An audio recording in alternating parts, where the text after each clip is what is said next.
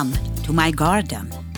Ja, det var väl inte så det här programmet heter, men idag ska vi vara ute i trädgården lite granna. Men eh, programmet heter ju In My Living Room med mig, Eleonora Lahti. Känn dig riktigt, riktigt välkommen.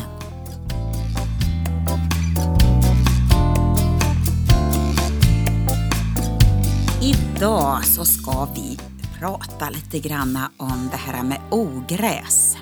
Och eh, jag har ett eh, blogginlägg från förra året som jag kallar för ogräsrensning i våra fysiska och andliga trädgårdar. Och det här är väl någonting som vi kanske känner igen oss i lite nu och då för att eh, ibland växer det precis där man inte vill det ska växa. Och själv har jag precis kommit hem ifrån en cykeltur. Jag var ute en stund och cykla och det är faktiskt riktigt skönt. Jag köpte en ny cykel här i sommar men jag kom som aldrig igång att cykla riktigt. Men nu, nu känns det som att eh, nu är det verkligen dags. Sen så har jag haft mitt lilla barnbarn Laura här hos oss idag också och hon har plockat äpplen. Det har varit mycket äpplen som har legat på gräsmattan och jag fick lite hjälp att plocka. Helt perfekt. Men vi ska inte röra oss i eh, äppelträden eller gräsmattan utan i en eländig rabatt som eh, jag har bakom huset. Mm. Och att eh, rensa i eh, den här rabatten som jag skulle kunna kalla för att allt kan och har fått växa fritt område.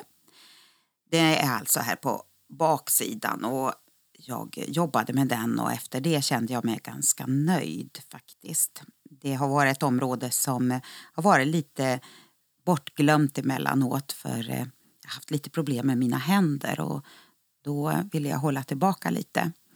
Men nu så har jag gett mig på det området. Men eh, tyvärr så drar det igång ganska fort i alla fall efteråt.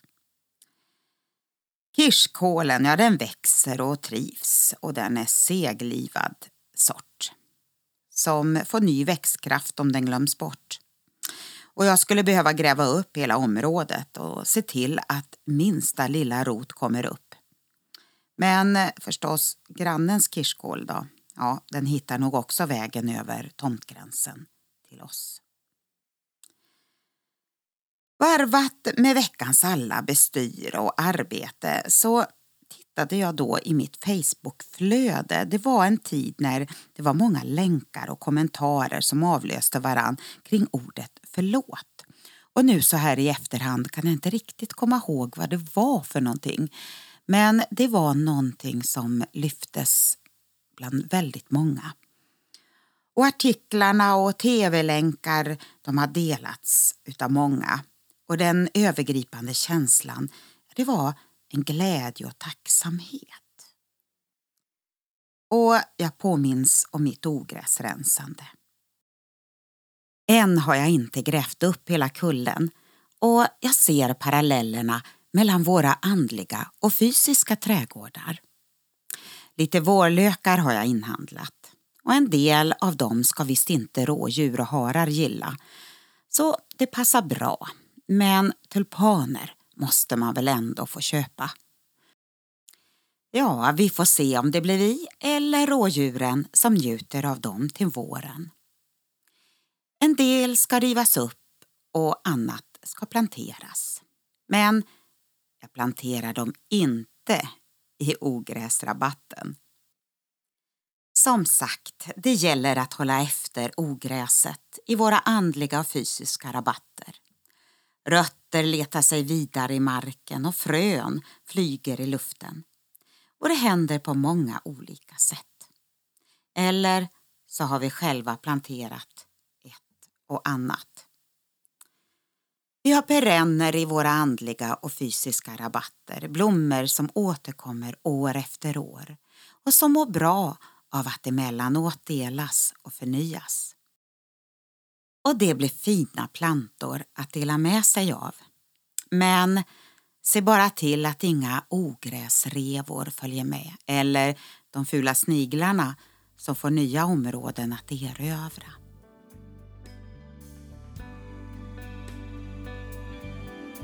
I Matteus 5 och vers 24 och 25 där står det så här. Lämna din gåva framför altaret och gå först och försona dig med din broder. Och kom sen och bär fram din gåva. Var angelägen att göra upp med din motpart när du är med honom på vägen.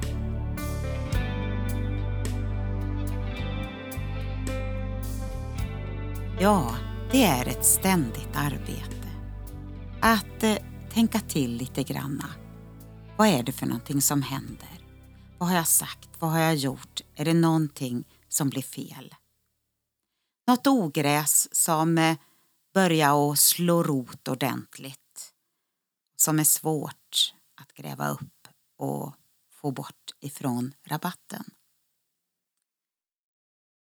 Vi fortsätter vårt arbete. Och jag tror att eh, den helige Ande vill påminna oss och hjälpa oss.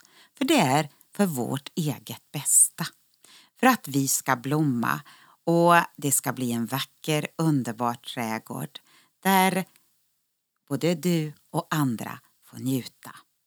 Så ha en fin höstdag, alla kära vänner.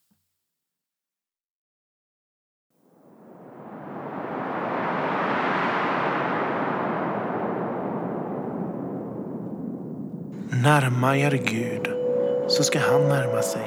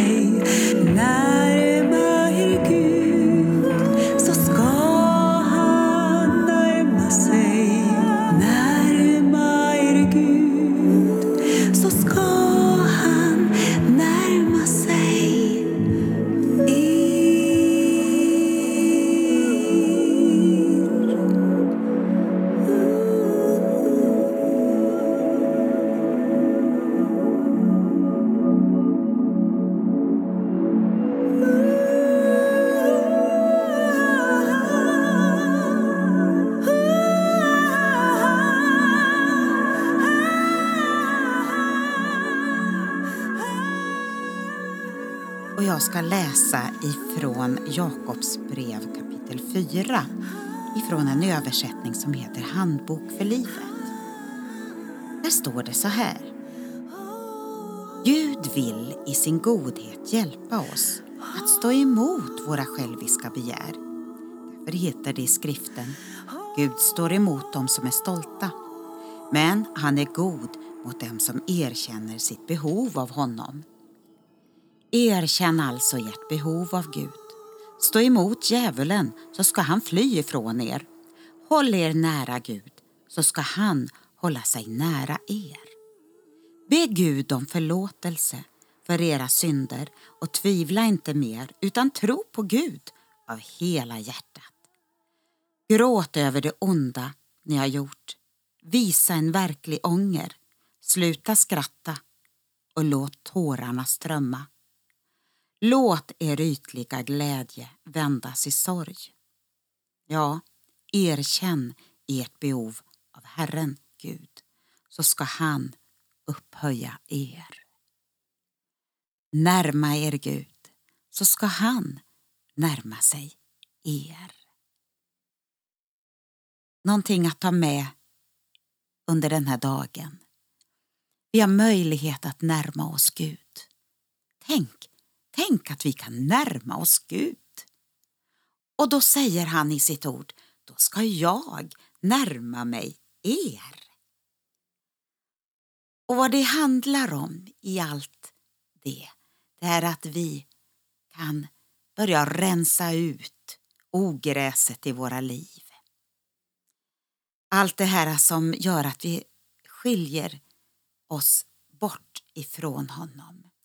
Men när vi börjar rycka upp ogräset så är det vår, vårt, vår längtan och vårt uttryckssätt att vi vill närma oss dig, Gud. Och du, då ska han närma sig dig. Så fantastiskt. Att tacka dig Jesus. Att tacka dig Jesus du som har öppnat en levande väg till Fadern. Tackar dig för att vi får närma oss vår himmelske far idag. Genom att rensa i våra liv, göra upp med saker och ting. Vi vill närma oss Gud och du säger att du närmar oss. Åh, vi bara tackar dig Jesus för. Amen.